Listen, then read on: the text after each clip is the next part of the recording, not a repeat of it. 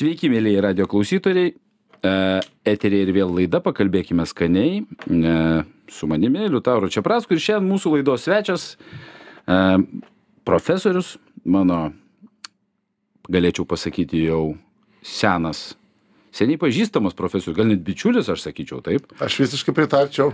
Tai mano bičiulis Rimvidas Laužikas. Ir šiandien, kadangi vis tik Vilniaus gimtadienis tai nėra žmogaus gimtadienis, kurį mes šiandien vieną kartą metuose ir vieną dieną, o šio, šią datą mes, manau, turėtume e, minėti kiekvieną dieną, prisiminti ir kalbėti apie tą Vilnių vien tam, kad galų gale jį pažintų ir tie, kurie kuriems trūksta tų pažinimo žinių, nes daug žmonių gyvendami tam pačiam Vilniuje jo jau nebeprisimena. Arba tiksliau sakant, jie net nežino, koks jis buvo prieš tai.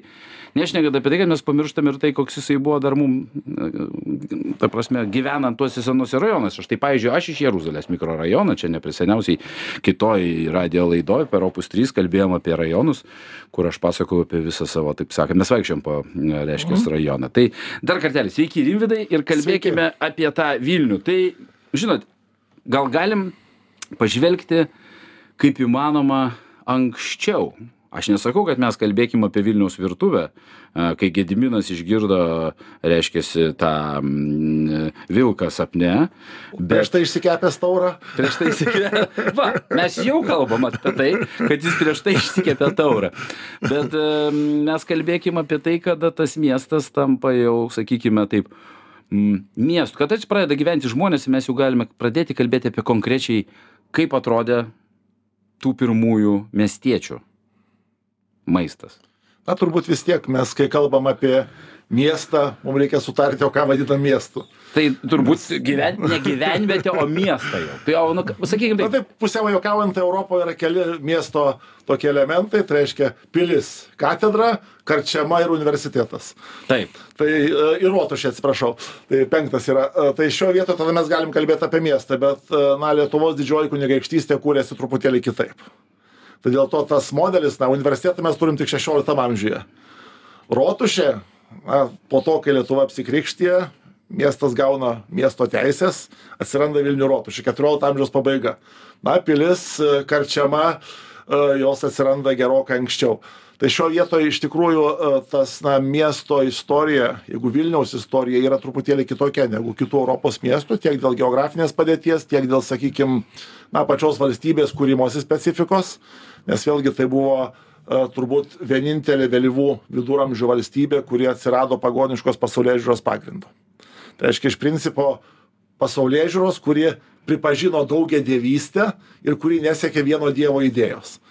Tai tai sukuria tokią labai įdomią kultūrinę erdvę, kurioje gali na, labai arti gyventi skirtingų kultūrų žmonės ir kurioje gali dalintis idėjomis skirtingų kultūrų žmonės. Tai reiškia, gatvė skiria krikščionį, kataliką nuo, pavyzdžiui, na, žydo judėjo nes tuo metu vis tiek religija buvo svarbiausia. Ir ta idėja kadangi na tokio didelio barjero nebuvo lengvai gali peršokti arba ten tam lietuviui pagoniui arba kažkuriam tai kitam.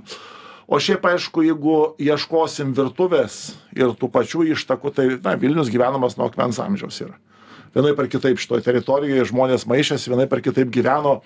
Ar tai buvo kažkokios nedidelės stovyklavietės ar sakykim kažkas daugiau sunku pasakyti bet aišku tas Gedimino paminėjimas, ko gero, buvo, na, turbūt toks daugiau, ne tai kad simbolinis gestas, bet fiksavimas, kad Vilnius yra valdovo miestas. Na, savotiška jo miestas, jo, na, galbūt iš dalies netgi sostinė, bet, na, ta pati diena arba ta pati data tikrai Vilniaus gyvenime nebuvo kažkokia išskirtinė tuo metu. Ta prasme, na, vidutinis Vilnietis tikrai nežinojo, kad Gediminas parašė laišką kažkam tai tą dieną ir kad tai yra, tai yra paminėjimas miesto. E, o šiaip tai yra tas viduramžių miestas. Tai reiškia, kad maistas jis toks yra pakankamai artimas vietiniam maisto standartui. Mes kalbam apie gyvūnų rušis, kurios gyvena šitam teritorijoje, apie gyvūnus, kurie auginami šitoje teritorijoje, apie augalus, kurie auginami šitoje teritorijoje. Ir tada mes galim bandyti susidaryti tą miesto vaizdą. Tai reiškia, jeigu mes kalbėsime apie tuos gedimino laikus, tai vis tiek jau ant miestiečių stalo dominuoja naminių gyvulių mėsa. Tai reiškia, jeigu turtingesnis, tai bus jau ten jautiena, avieną, jeigu bus mažiau turtingas, jau judam link keulienos, link vištų, e, tada, sakykime, vėlgi, kuo turtingesnis, tuo tos mėsos daugiau ir dažniau, kuo e, mažiau turtingas, tuo jos mažiau ir na, tuo labiau kažkoks yra užkulas, ten pagardas, bet netiesiogiai valgoma.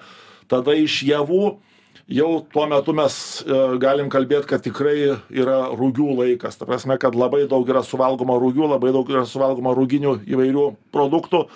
E, dar tuo metu neišnykęs nuo Vilniečių stalų toks javas kaip soros kurios paskui jau 16 amžiuje, 17 amžiuje labai stipriai nyksta, praktiškai jų ant stalo lieka labai nedaug, tuo metu tai yra vienas iš tokių svarbių javų, nes vėlgi, kai mes kalbam apie soro auginimą, tai toks, na, e, ko gero buvo įdomus dalykas, kad e, soros leisdavo išauginti per metus du derlius.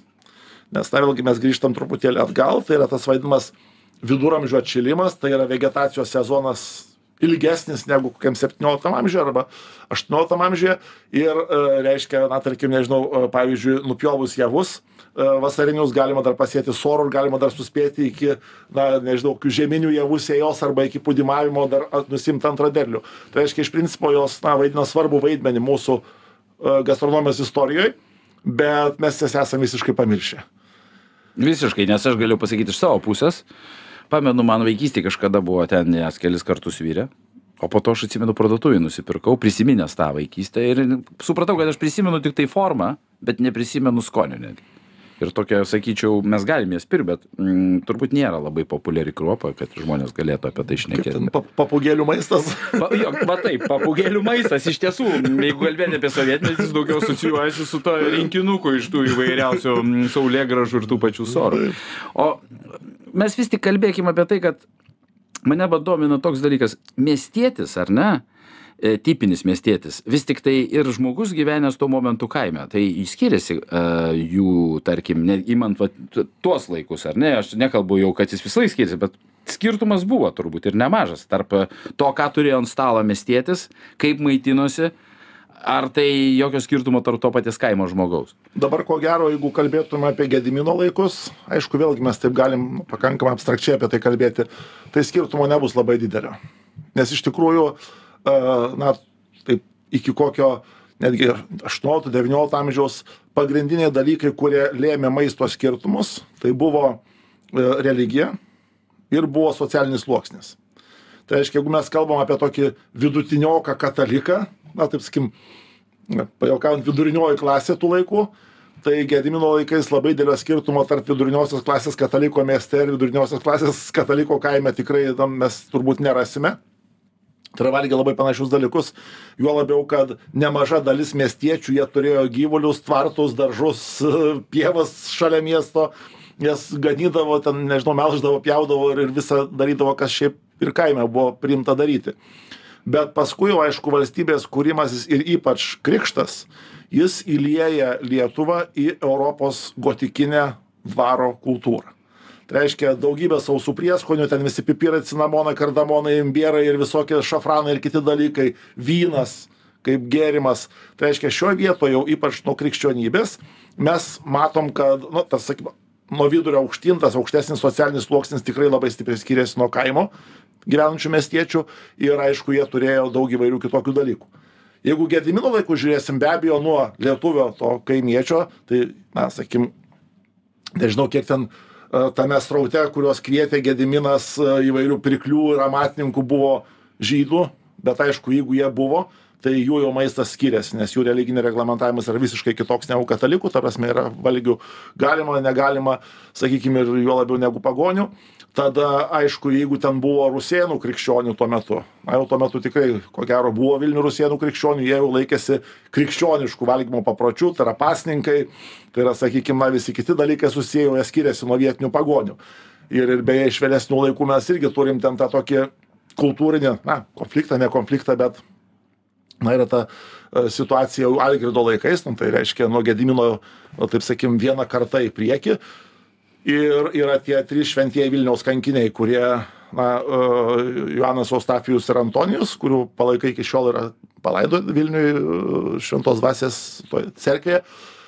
Bet na dėl ko algirdas juos nužudė? Dėl to kad jie pasninko nu kaip metu atsisakė valgyti mėsą nes vėlgi čia šioj vietoj buvo tas turbūt toks na jeigu per gastronomijos prizmę traktuoti kad valdovas valgo prie atskiro stalo ir jis turi geriausią maistą. Ir kaip savo na malonės dėmesio išraišką jis kažkam nusiunčia patiekalų nuo savo stalo aišku geresnių. Nu tie sako mes nevalgysim maždaug mums ten kažkoks tai pasninkas yra kuris nu ten gal ne visai suprantamas buvo algirdui. Nu tai čia yra valdovo asmens įžeidimas tai reiškia va tas toks kultūrinis skirtumas mes jį matom ir jis kartais priveda prie tokių liūdnų pasekmių nes nu tie trys vyrai buvo nužudyti. Tiesiog už už tokį valdovo paniekinimą. Tai e, ta religija tikrai turėjo didelę įtaką bet vėlgi gedimino laikais kiek tas vilnius na buvo tas daugiakultūris arba įvairiareliginis tai ko gero kaip tik tie na gedimino laikai buvo vieni iš tų kai tas vilnius pradeda daugiakultūrėti pavadinkim. Nes pats gedimino idėja tai buvo kviesti amatininkus kviesti žmones kad jie atvyktų ir kurtų tą miestą. Pakalbėkim apie turbūt tuos žmones apie kuriuos ir tos informacijos jau turėtų būti žymiai daugiau nes tai buvo mm, bet kokiu atveju to laikmečio vis dėlto žvaigždė ir ta pati istorija buvo verta ir filmo ar ne? Tai apie barborą radvilaitę ir mm, žygimantą augustą ta prasme apie tuos laikus nes vis dėlto mm, paskaičius e, reiškiasi vėlgi jau yra ir žemutinė pilis kurioj jie ten laiką leidžia ir dabartiniai valdovų rūmai kaip suprantu ar ne?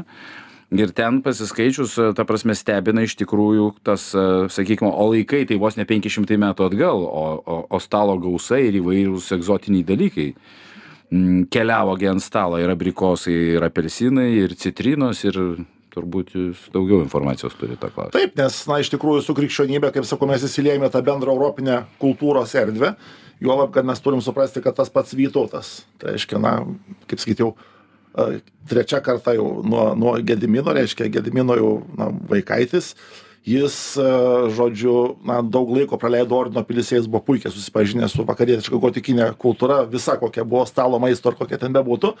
O čia mes dar peršokam taip sakykim nuo vytauto dar šimtą metų link mūsų laikų. Tai be abejo mes buvom visiškai na bent jau sakykim ta aukščiausio lygmens diduomenė buvo visiškai europinės kultūros dalis.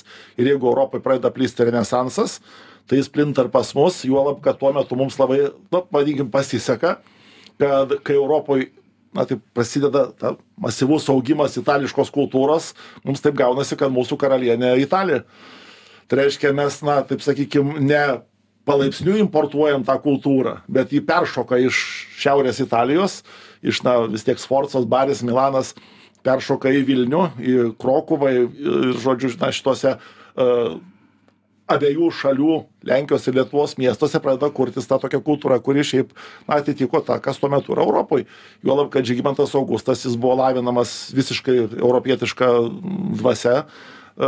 Ir ir sakykim visa tai buvo tik tiek kad šioj vietoj na tas europietiškumas užsideda arba tas itališkumas kaip savotiškas sluoksnis ant to kas yra. Nes valgymo papročiai yra nepaprastai konservatyvūs ir jų taip pa pakeisti kaip kokio architektūros stiliaus mes negalim nes na architektūroj mes žinom nors kad kad žodžiu ateina mados ir visiškai pastatai keičiasi nors aišku renesansas irgi pas mus taip sunkokai plito. Bet maiste tai yra konservatyvūs dalykai ir pavyzdžiui jeigu žiūrėsim to paties žygimanto augusto maistą ir tarkim žiūrėsim kokio nors pavyzdžiui to paties laikotarpio kokio italų kilmės didiko maistą arba ten kokio popiežiaus pasiuntinio maistą keliaujančio per abiejų tautų respubliką mes matysim vis dėlto didelius skirtumus nes pas žygimantą augustą bus dar daug ten tų sausų prieskonių. Dar vėlgi tų cinamonų kardamonų imbierų ir visokių ten tų kurie buvo būdingi viduramžių virtuvei ir kurie tuo metu jau europoj nyksta jų vietą užima žoliniai prieskoniai. Vis dėlto žygimanto augusto maiste bus dar daug alaus ir mažiau gerokai vyno. Žygimanto augusto maiste bus mažai daržovių tai reiškia ir dominuos aišku šakninės daržovės ten jau tų visokių lapinių daržovių ar panašių dalykų nebus tai tuos skirtumus mes matytumėm bet vis dėlto jau tas sluoksnis užsideda. Mes šešioliktam amžiuj turim ir alyvuoges žinom kad jos atsiranda ir alyvuogių aliejus yra ir tos pačios kaip minėjot citrinos apelsinai ir visi citrusiniai vaisiai ir tie žoliniai prieskoniai galų gale ta pati petražolė kuri paskui nu taip labai įauga į mūsų gastronominę kultūrą ir tampa tokiu mums labai būdingu prieskoniu. Tai tie procesai vyksta aš kažkaip galvojau kad krapas mūsų dar dar labiau sakyčiau toksai žinot lietuviškas prieskonis nes jis egzistuoja daug kur jo gali visur nusipirkt bet kad jį taip naudotų kaip pas mus žmonės o žinot tvirta bulvė krapai Visur. Taip. Visur. Krapas taip pat. Krapas. Ar agurkai neįsivaizduojami jokie rauginti ar marinuoti be krapo, ta prasme. Tai mes kažkaip tai esame labai tokie krapiniai. Nors petražalė lygiai taip pat, aš sakyčiau, yra šalia stovinti. Kaip pas prancūzus čiabrelis, ta prasme, jis visur. Taip. Aišku, aišku, lapinė petražalė pas mus dominuoja. Tai e, aš labiausiai ir mėgstu, beje, garbiniuotojai mano akim žiūrint, jinai nekokia. Mm. Skanesnė vis tik ta mūsų plokščioji. Paprastoji. Paprastoji. Geroji senoji. Paprastoji lietuviškoji. tai ir, o vėlgi, grįžtant prie Barboros Radvilaitės, ar kaip, kaip atrodė tuo metu, sakykime, visi tie pobuviai, vis dėlto aš įsivaizduoju, turint omeny, kad mes buvome kaip ne kaip, ne koks nors užkampis ir ne kokia nors ten trečioji pasaulio vieta, ką be bandytų e, mus įtikinti arba bandė ilgus metus įtikinti, ar ne, e, tokie, reiškia, agresyvūs kaimynai iš rytų, kurie vieninteliai įsivaizduoja, kad pastatė visą pasaulio civilizaciją ir yra visoko gerio šaltinis ir apskritai visoko. Taip. Tai kaip mes atrodėm tuo momentu? Galų galę netgi palyginimui su tais pačiais rusienais.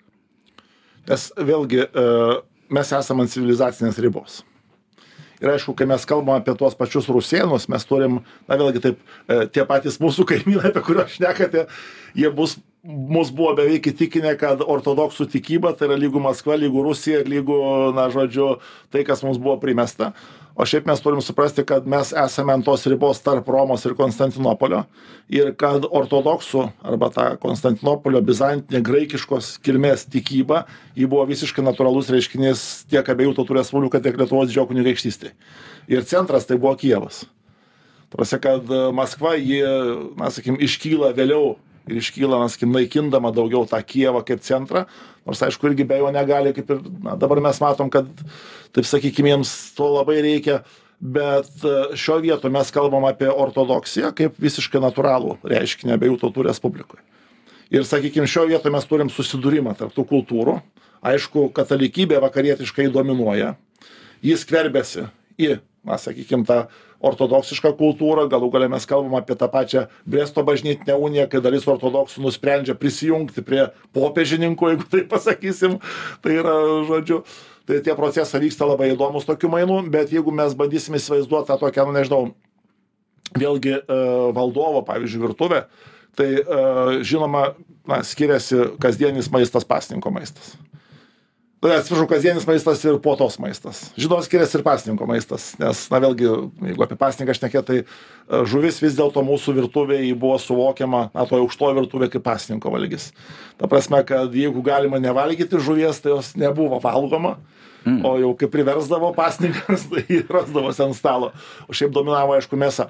E, bet e, vėlgi, kasdieninė virtuvė tai tokia būtų, na, kadangi mes dabar visi gyvenam daugiau mažiau kaip valdovai, tai ta kasdienė virtuvė tokia atrodytų galbūt mums ne, ne super kažkuo tai įspūdinga, nes paprastai tai būtų gabalas kokios nors geros tuo metu suvokimų mėsos, na, jautiena, pavyzdžiui, kokia bus, dar kokia rieboka, pavirta, tada bus dubuo kokių nors e, daržovių, ten kokios gali būti ropės, žirniai, ten kažkokie e, kopūstai, e, žodžiu, pastarnoka ir kažkas tokio patroškinta.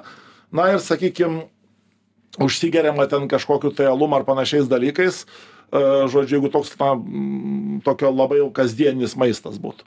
Be abejo, kuo išskirtinesnė diena, nu, tai, pavyzdžiui, jeigu ten jau kažkokie sekmadienio pietus, ar yra svečių, ar ypač kažkokios tos jau puotos, tada be abejo viskas kyla, keičiasi ir, ir sakykime, tampa įspūdingiau.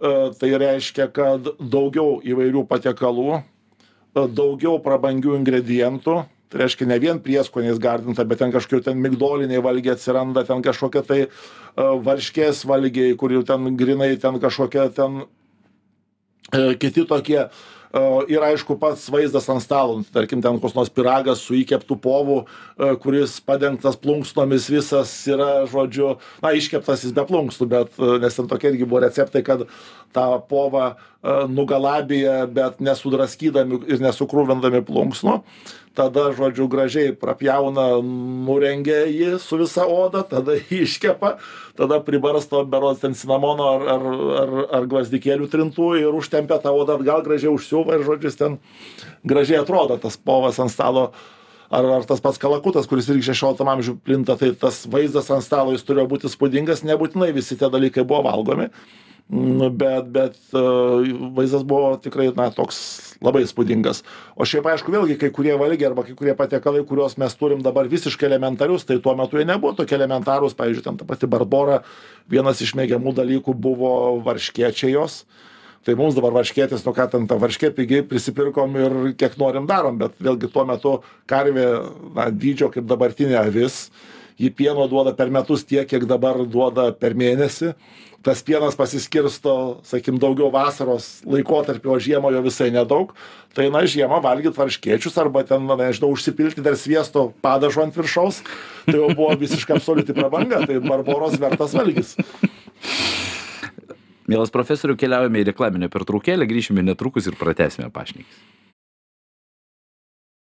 Grįžtame eterį su laida Pakalbėkime skaniai su Liutauru Čiapracku. Šiandien pas mus svečiuose profesorius Rimvidas Laužikas ir mes kalbame apie Vilnių. Mes kalbame apie Vilniaus virtuvę. E, ir dabar galbūt mes jau pakeliaukime dar šiek tiek toliau į priekį. Ir gal, gal į tuos laikus, kai mm, mes matome daugiau tos informacijos, ar ne? E, daugiau rašytinių šaltinių, kur aprašomi tie visi mm, ir tos potos ir panašiai. Ir va štai mm, Janas Ši Šitleris ir pietus 24 asmenim. Jo aprašyti buvo. Čia kokie Taip. laikai? 19 amžius.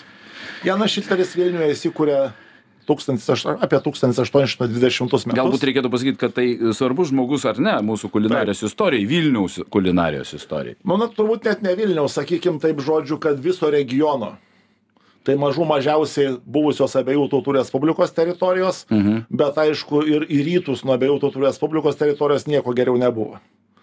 Ir tai, jis buvo šefas? Šefas, uh, dirbęs komandoje paskutinio abiejų tautų respublikos valdovo, tai yra uh, Stanislavų Augusto Panetovskio virtuvės komandoje vadovavo Polis Tremo, prancūzas, nes, na vėlgi, apšvieta 18 amžiaus prancūziška virtuvė dominuoja visoj Europoj ir na, neturėti prancūzo šefo, na, tai jau visiškai virtuvės kuchmistro, tai būtų visiškai nesuprantama.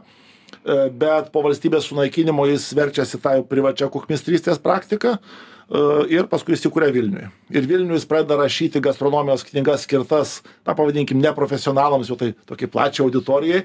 Ir būtent va, tas pietų meniu jis yra skirtas auditorijai, tai yra tam, kuris nežino, o kaip tos pietus prašmatnius pasidaryti nes na jeigu mes kalbam apie ten nežinau didikų namus ar ar ar sakykim turtingus miestiečius kurie samdydavo profesionalus tai tie profesionalai mokėjo padaryt pietus ir kokius reikia ir kaip reikia. Tai čia nu, sakykim ne nebuvo ta prasme nu sakykim pagal sąrašą nieks nedarydavo. Tai buvo profesionalo darbas. O šioj vietoj ta knyga yra skirta tai jau tokiai platesnei auditorijai ir ir mažesniems dvareliams ir mažiau turtingiems miestiečiams. Ir jie tada jau gali pasižiūrėt o kaip tie tikri prašmatnūs pietūs atrodo. Tai reiškia jau mes kalbam apie tokius jau na mm, pietus kurie na galbūt sakykim tokias turtingesniuose namuose tai būtų kokie ir sekmadienio pietūs bet jeigu mažiau turtingi namai tai čia jau tokia jau kaip šventė tokias jau dar keletą kartų per metus tokius galima pasidaryti kurie ten yra ir ten labai gražiai sudėlioti visi patiekalai kurie turėtų būti pradedant pradedant užkandžiais ir sriubomis ir baigiant desertais ir kava. Beje tame pietų apraše turbūt pirmąkart yra paminėta kad valgis užsibaigia kava. Tai reiškia po na tai kai sako po kavos jau reikia eit namo tai ten labai aiškiai parašyta kad paduoda kavą ir tai yra paskutinis na sakykim patiekalas gėrimas kuris paduodamas pietų meniu. Ir aišku vėlgi toj pačioj šitlerio knygoje visi tie receptai yra. Tai reiškia žmogus gauna ne tik sąrašą jis ne tik gauna šalia yra pridėtas planelis kaip išdėlioti viską ant stalo kokiuose induose ar kaip ten turi atrodyt bet jis ir turi receptus jeigu nori gamint. O jeigu smulkiau apie tą mm, sakykim taip kiek ten tų patiekalų nežinau dabar kai klausai galvoji na sriubos ten tas ar tas bet aš skaičiau ir ten kažkaip gaunasi kad labai įspūdingi kiekiai to maisto atrodo dabar vėl taip sakykim kad e, yra ten e, dvi sriubos jeigu aš gerai atsimenu. Tada yra kažkur trys keturi šalti užkandžiai tada yra vėlgi kažkur tai apie trys keturi penki ten tie jau pagrindiniai valgiai ir paskui eina įvairiausi desertai ten jų labai daug ten gal apie dešimt įskaitant uogas vaisius e, drebučiuose saldžius cukrus na tai buvo tiesiog sultim gardintas cukrus ir panašius dalykus. Tai jų jų yra tikrai daug bet šioj vietoj mes vėl taip sakykim turim suprasti kad istoriškai šnekant pietų prašmatnumas buvo ne patiekti du tris valgius kur ten nu kaip čia šiais laikais ten toj mm, mąstyme kur e, didžiausia porcija už mažiausią kainą kai sako žodžiu maždaug skersas išėjau. Nu tai nebuvo siekiama skersam išeiti privalgius kažko tai daug bet buvo siekiama parodyti prašmatnumą per valgių skaičių. Jų įvairovę ir na vėlgi tą tokį dalyką kad žmogus tikrai turi suvokti kad tas valgis padarytas ne šiaip sau kažkokiu tai lengvuoju būdu bet tai yra savotiškai na kaip šedevras. Čia mes kažkada su jumis buvom kalbėję ir man labai patiko jūsų mintis apie restoraną kaip vietą kurios tu nepakartosi namie. Tai reiškia tų pietų esmė irgi buvo kad tu ateini į svečius ir tu žinai kad tu pats namie ko gero nepakartosi. Arba tu turi samdyt profesionalą kuris jau tada tą dalyką padarytų na bet kokiu atveju. Šiaip vilnius jeigu taip pasižiūrėt mano giliu įsitikinimu mes jau ir apie tai esame kalbėję su jumis taigi yra visiškai daugiakultūriškumo pavyzdys ar ne kur mes turėjome mm, ir ta prasme viens šalia kito gyvenančius. Mane labiausiai įdomiausias dalykas ką perskaičiau pas jus kad buvo musulmonai ir net ramadanas vilniuje. Tai visada tai jeigu yra totoriam is islamo tikybos tai kaip jie gali gyventi nesilaikydami savo principų? Nes mes šiai dienai nematome taip akivaizdžiai jų esant egzistuojant nu gyvenant šalia mūsų. Ir kai prisimenant vis dėlto tuos pačius totorius vėlgi totoriški koldūnai. Ar jie yra tie patys šiai dienai lietuviški virtinukai? E, ne. Istoriškai jeigu mes persikelsim į devyniolikto amžiaus vilnių mes ko gero pasistengę galėtumėm paragauti kokių šešių septynių rūšių skirtingų virtinukų skirtingose bendruomenėse. Nes, pavyzdžiui, pas tos pačius na, žydus, kokius galėjom gauti, kokie, pavyzdžiui, varničkės, kurie buvo įdaryti virtais grikiais, ten, nu, toks specifinis įdaras su, su grikių košė, pavadinkim, viduje. E, žodžiu, pas tos pačius totorius koldūnai, bet kas yra totoriškas koldūnas, tai yra e, virtinukas, kurio įdaras yra per pusę jautiena su jautienos lajum arba vienas. Su avienos lajum, aišku, totoriai nevalgo keulienos E, svogūnai, pipirai, druska. Tai reiškia be galo riebus įdaras, tenais toks uh, mažiukas ir turi sprokti burnoje, jo negalima pjaustyti, tik daibyti lėkštės, turi būti įsidėtas į burną ir ten sprokti. Uh, žodžiu, XIX amžiuje tas uh, santykis yra įdomus tuo, kad patiekalai pradeda peršokinėti ir mes juos matom iš, kadangi literatūros yra daug, mes matom, kaip jie peršokinė ir kaip jie adaptuojasi kitose kultūrose. Pavyzdžiui, tie patys totoriški koldūnai, XIX amžiuje jie jau yra pozicionuomi kaip lietuviški koldūnai. Tai reiškia, visiškai yra peršokę ir įsitvirtinę katalikiškoje erdvėje. Ir tada prasideda tokios įdomios improvizacijos. Pavyzdžiui, e, žodžiu, XIX amžiaus pabaigoje e, vienoje iš Prancūzijoje išleistų gastronomijos knygų yra lietuviški virtinukai. Tie lietuviški virtinukai yra iš principo adaptuota tų totoriškai lietuviškų koldūnų versija, tokia truputėlį palengvinta, sušvelninta, pritaikyta, na, prancūziškam skoniui turbūt labiau. Arba tas pats Janas Šitleris, kuris bendravo su uh, Eustachijum Tiškevičium, jis ko gero, čia mano kolegos Antano Astrausko yra spėjimas, kad jis yra kuriejas tokio patiekalo kaip Tiškevičių koldūnų. Ir kas tai yra? Tiškevičių koldūnai vėlgi yra virtinukų rūšis kur vidus jau nebėra tiek riebus e, jautiena su lajum bet pavyzdžiui jau yra grybų jau yra įdėta e, pakepinto kumpio. Tai toks yra įdaras kuris jau pritaikytas labiau katalikiškam valgiui reiškia atsiranda kiaulė atsiranda grybai ir ir jie tokie tokie veikia bet jau veikia visiškai kitoj erdvėj lygiai taip pat pavyzdžiui tas pats e, judėjimas iš kitos pusės. Na mes turim iki šių dienų tas totoriškas šimtalapis ar ne? Taip. Tai totoriško šimtalapio prototipas yra toks e, pyragas keptas e, na dabartinės baltarusijos lenkijos teritorijos vadinamas perekačevnik. Tai reiškia jie jau buvo praradę tą autentišką tiurkų kalbos pavadinimą. Jau nuo to na perikatai va ten lankstyti ten kažkaip tai. Bet kas įvyksta vilniaus regione perekačevnik buvo kepamas iš filo tešlos, e, šimtalapis iš mėlynės.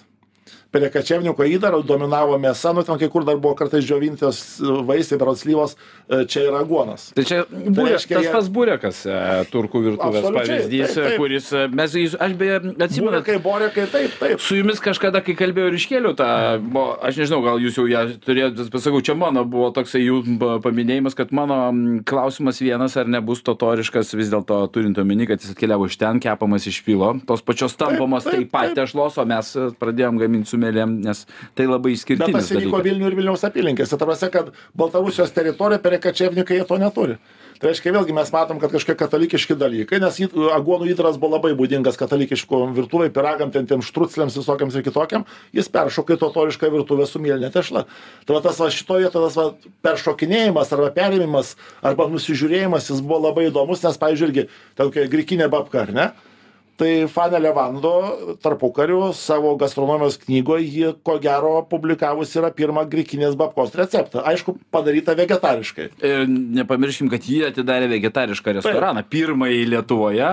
Na, turbūt galbūt reikėtų pasižiūrėti, e, ar pirmąjį Lietuvoje, nes aš kažkaip, ko gero, vegetarystės, jeigu jau Lietuvos mastelės, pirmiausia, ieškočiau mažojo Lietuvoje ir turbūt, e, jeigu taip sakytų, e, greituoju būdu bandykim rasti pirmą vegetarišką restoraną, turbūt Klaipėdoje pirmą bandyčiau ieškoti. O nes aš kažkaip, kai perskaičiau, pagalvojau, "Ha, kokia inovatyvi Ne, moteris. tai inovatyvi, nes vėlgi tarpukario Lietuvoje vegetarystė labai populiarėja. Visur ir Kaune, ir, ir žodžiu, Klaipėdoj, ir, ir, žodžiu, Vilniui, bet aišku, vėlgi vegetarystė kaip judėjimas eina iš vakarų Europos. Tai vis dėlto pirmiausia, aš juos ieškočiau vokiško erdvėj, toj lietuviškai vokiško erdvėj mažosios Lietuvos, o paskui sekčiau šitą pusę, juolab, kad vėlgi, jeigu taip kalbėtų apie tą tokią uh, autentišką lietuviškos vegetarystės ideologiją, tai turbūt vidūnas bus jau toks nu, konceptualiai sukūręs maitinimosi sistemą vegetarišką, kur na, visiškai na, jau yra tokia lietuviškos kilmės. O ten, e, kadangi aš jos nežinau, niekada ypatingai nesidomėjau, m, nėra gyvulinės kilmės e, produktų, ar jie egzistuoja tokie kaip milt, kaip siestas, e, pienas. e? O į vidūną reikėtų pasižiūrėti dabar, bet žinau, kad, kad man atrodo, kad ten nėra. Ten daugiau vos ne į veganizmą Į linkęs. veganizmą, nes vidūnas jis vis tiek sėmėsi idėjų iš indiškos iš in- indiško vadinkim to, na, negali pavadinti religi, vegetarizmu, tai to religingumo, kuris nevalgė mėsos visiškai, ta prasme, kad mėsa buvo.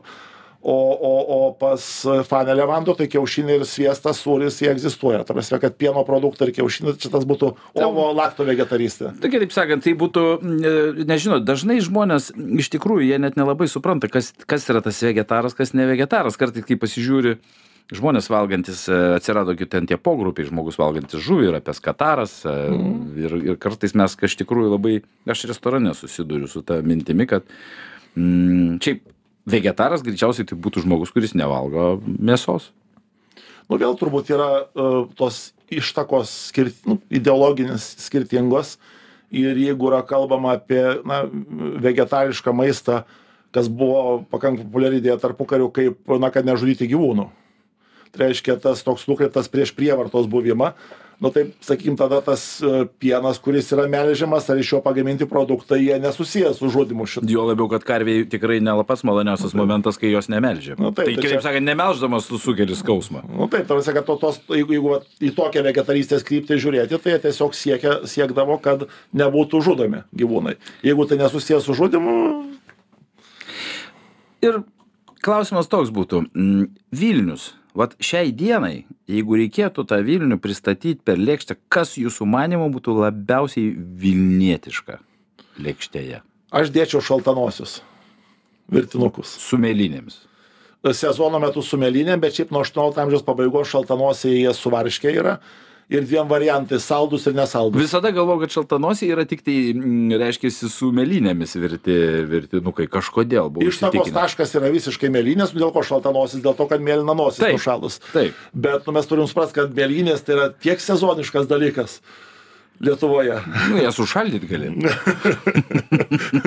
jo labiau, aš kaune esu matęs mm, ir tą senąją ledainę dar a, prieš, reiškiasi, mm, smet, nuo smetonos laikų, kur ta dobė, kur nemono tą ledą kraudo. Aš, ne, aš ne, Ledainės yra gerokai senesnės, bet ledai nėra šaldytuvas, ne šaldiklis. Taip, Tai teisingai. Tengi ne minusas. Tarsi, kad, kad ant ledo padėjus, ten, ten temperatūra gali būti ir arti nulio, bet tikrai Taip. mes jo, tarsi, kad tam, kad užšaldytum, nes jeigu vėl, žiūrėt, 18 amžiaus pabaiga pas mus pradeda plisti ledai kaip valgis, e, na, kaip desertas, bet tam tada naudojamas tas itališkas indas, kur du sluoksniai, kur ledas kapojamas su druska, viduje maišom ir tada tas ledas su druska duoda minusą, kad iš principo sušala vidus. O šiaip ledas pas nesušaldys tiek. Tai, tai žodžiu, e, jeigu taip ieškot senųjų technologijų išsaugojimo mėlynių, tai būtų turbūt džiovinimas arba virimas kokios nors konfitūro uogienės kažko panašaus. Taip. Su cukrum, Su cukrum. Kad sustabdyti. Bet, bet šiaip jau nuo 18 amžiaus mes turim šaltanosius kaip uh, suvarškė virtinukus. Tokius ir, sakau, dvi versijos saldus ir, ir surus. Ir uh, jie, na, per Vilniaus istoriją tarpukariu irgi buvo suvokiami kaip tos vilnietiškos virtuvės vienas iš tokių tapatumo ženklų. Uh, žodžiu, na, kurie, kurie buvo, na, priskiriami Vilniui, kad maždaug, na, atvažiavus į Vilnių, ta šaltanosiai turi būti kažkokia jau ten. Kitaip sakant, ir šiai dienai mes jeigu kalbam apie tai, kad e, norėtumėm pristatyti Vilnių, mes daugiau turėtumėm galvoti ne apie cepelinus, o apie tos pačius e, šaltanosius. Šiais laikais mes galime juos pateikti visus metus pagamintų su mėlynėm. Visiškai. Na, ir aišku, ten ta žydiškos virtuvės labai yra įdomus sluoksnis, kuris, na, vėlgi, ta bendruomenė nužudžius karo metais, jis praktiškai visiškai dingo nuo stalų, bet ten labai įdomių dalykų, ten, na, ir to pačioj mūsų knygoje ten yra ir kiškė, ir yra tas makaronų kugelis, nes kugelis tai yra bendrinis žodis. Na, tiesiog taip gavosi, kad pas mus peršoko bulvių kugelis ir mes kugelį vadinam bulviniu kugeliu, o šiaip, na, to žydiško virtuvė tai yra kugelis, tai yra tiesiog kepi, na, valgių rūšis ir jų gali būti įvairių. Ten, man atrodo, pas tą pačią levandų yra ar šešių ar septynių rūšių, ten ryžių, makaronų, žodžiu, bulvių, tas pats kugelis. Kitaip sakant, tai yra apkepas. Taip, tai yra toks, aišku, vėlgi, e, pirminiam variante tai buvo toks specialus kugel puodas vadinamas, kugel rutulys. Nuo rutulys. jo. Taip. Ir jame ten, na, sudėdavo, pašaudavo į krosnį, laikydavo, valgydavo. O paskui, aišku, jis na, virsta to plokštainiu, pavadinkim, ar kažkokiu tai tokiu, nebe, nebe, nebe tam apvaliam puodė darom. Tai tas puodas apvalus, tai čia tas, kur mes esame įmatę ir filmuose, pašaunamas su tokiu pagaliu, kurio galiai yra tas, kad apglėptų į... Na taip, Taip, taip, esu, esu tokiam gaminęs ne vieną. tik, tik tai tas Kugeltof, tai žodžiu buvo, taip sakykim, kad e, jo apačia buvo apvali, o viršus toks. Mm. Tai taip, jeigu aš įsivaizduočiau, su to pagaliu įtraukdavo, tai už kakliuko pakabinė, Mhm. ne už apačios, ko gero. Nes principė, mm, vėlgi, tie patys beigeliai, ar ne, kur... e, Tie patys beigeliai, kurie labai populiarūs Vilniui buvo ir turbūt jeigu ieškosim patiekalų, kurie būtų kilę iš abiejų tautų Respublikos erdvės ir pelnė pasaulinę šlovę, tai beigelis bus turbūt numeris vienas. Tik mes jau patys juos pamiršę išmetę iš savo galvos ir dabar jau jie grįžta pas mus jau taip vis, vis labiau ir labiau. Ir mes taip kažkaip suvokiam tai kaip savo tapatumo dalį, bet šiaip, na, dar tarpukario Vilniui, tai tos baronkos, mes uh, žinojom žodį beigelis ir jis buvo vartojamas, bet šiaip dažniau buvo baronko vadinama netgi ten tokio devyniolikto amžiaus pabaigoj žydiškoj receptų knygoj ten taip yra įdomu kad yra na jidiš kalba parašyta bet patiekalų pavadinimai užrašyti ir lotyniškom raidėm. Tai prie beigelių recepto baranken parašyta. Žodžiu jos yra. E, tas, tas pavadinimas toks labiau būdingas Tas pats gi kugelis žydiškas, jisai skiriasi nuo mūsiškio. Mes vis dėlto darome tą tarkę, naudodami tas pačias mašinas, kuriuom ir cepelinam tarkuojam, o žydiškas jisai stambesnio tarkavimo tos bulvės yra. net jau nešti kad mes e, kiaulę įvedam visur. Ta prasme kad kiauliena spirgus Bet jie naudoja tą patį šmalcą pagamintą iš vištienos. nu vištienos žąsienos antienos ta Taip. prasme kad iš iš kitų gyvūnų Bet lygiai taip pat yra ir tie patys pirgučiai gali būti ir tas pats uh, lydytas taukas iš tenais, pagamintas tais pačiais pirgučiais. Nu, turbūt bulvinis kugelis, jeigu jame riebalų nebūtų dėta, tai jis taip būtų, nežinau, kaip ten nasalgis sudžiūtų tos bulvės, krakmolas visas ir. Tai, žinot, apibendrinant, ga- galiu pastebėti, kad mes iš tiesų, kaip ir tie patys kibinai, kurių, kurie populiariausi pas mūsų keuliena, tai jie seniai yra sulietuvinti ir tapę neatsiejama mūsų kulinarinio žemėlapio dalimi. Taip, nes kai valgys peršoka į kitą kultūrą, mes turime susitaikyti, kad jis pradeda kitą gyvenimą. Bet pradeda gyvenimą pagal tos kultūros taisyklės. Tai reiškia, jeigu kibinai jie peršokta į katalikišką virtuvę, tai jie tolsta nuo to savo pirminio varianto, na lygiai taip pat kaip šnekėjom su koldūnais buvo tas totoriškas koldūnas jis paskui ir tiškevičiaus koldūnas ir prancūzijoje ale lituanien kol virtinukai ir visi kiti jis gyvena savo gyvenimą katalikiškoj erdvėj. Ir aišku jau pagal tos erdvės principus. Tas pats šimtalapis kuris irgi iš šito regiono yra mm, kitaip sakant mes galime kalbėti apie tai kad mes kartais užsiduodam tais klausimais kas gi iš tikrųjų tai yra mūsų virtuvė tai šiai dienai ir po šios laidos visi gali drąsiai sakyti kad e, tie patys kibinai kadangi vėlgi čiagi šitas pats regionas ir šimtalapis ir visa kita tai yra senoji vilniaus virtuvė tai yra mūsų pali ta prasme kulinarinis palikimas kurį mes gavome ir kuriuo turime didžiuotis.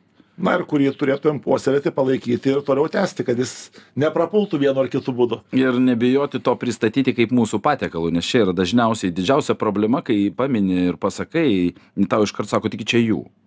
Nu, taip ir tu galvoji kas tie jie? Šiai dienai žiūrint iš šešių šimtų metų perspektyvos kai jie seniai yra mes. Taip nes ten kažkur tai irgi ten buvo ten tai kiek žydai turi pragyventi lietuvoje šimtų metų kad mes suvoktumėm kad jie yra mes. Taip. Ir tie patys totoriai. Tie patys totoriai tie patys karaimai ar kitos ar kitos tos tautinės bendrijos kurios na šimtus metų gyvena. Ir kurių mm, atneštas kulinarinis tas įtaka šiai dienai yra mūsų neatsiejama kasdieninės virtuvės dalis? Taip ir tas yra dar labai svarbu kad kai kalbam apie mūsų tai turim suprasti kad paveldas jis yra daugiau tinklas negu burbulai. Tai e, sakymas kad beigeliai yra mūsų tai visiškai nereiškia kad jie negali būt lenkų nežinau niujorkiečių ar dar kažkieno tai kito virtuvės dalimi amerikoj ar kažkokioj kitoj pasaulio šalyje. Tiesiog tai yra na taip to pasaulinio beigelio tinklo dalis ir be abejo na vilnius tai yra to pasaulinio beigelio tinklo labai svarbus taškas. Viena galima sakyt iš tų ištakos vietų. Taip viena iš tų vietų. Tai tuo ir galime didžiuotis. Ačiū mielas profesoriau mūsų laikas atėjo į pabaigą bet kokiu atveju aš galvoju ir taip labai viliuosi kad visiem buvo įdomu pasiklausyt ir tai yra svarbu žinoti ir svarbu galų gale papasakoti ir tam pačiam savo svečiui iš užsienio pristatyti ir nebijoti pavaišinti jį paprasčiausiai virtinukai su varške pristatant kaip vieną iš pačių tokių pačiausių vilnietiškų patiekalų. Visiškai taip. Ačiū labai. Ačiū jums. Ačiū ir jums mieli klausytojai. Šią ir kitas laidas rasite žinių radijo svetainėje žinių radijas taškas lt. O su jumis susiklausysime kitą savaitę. Iki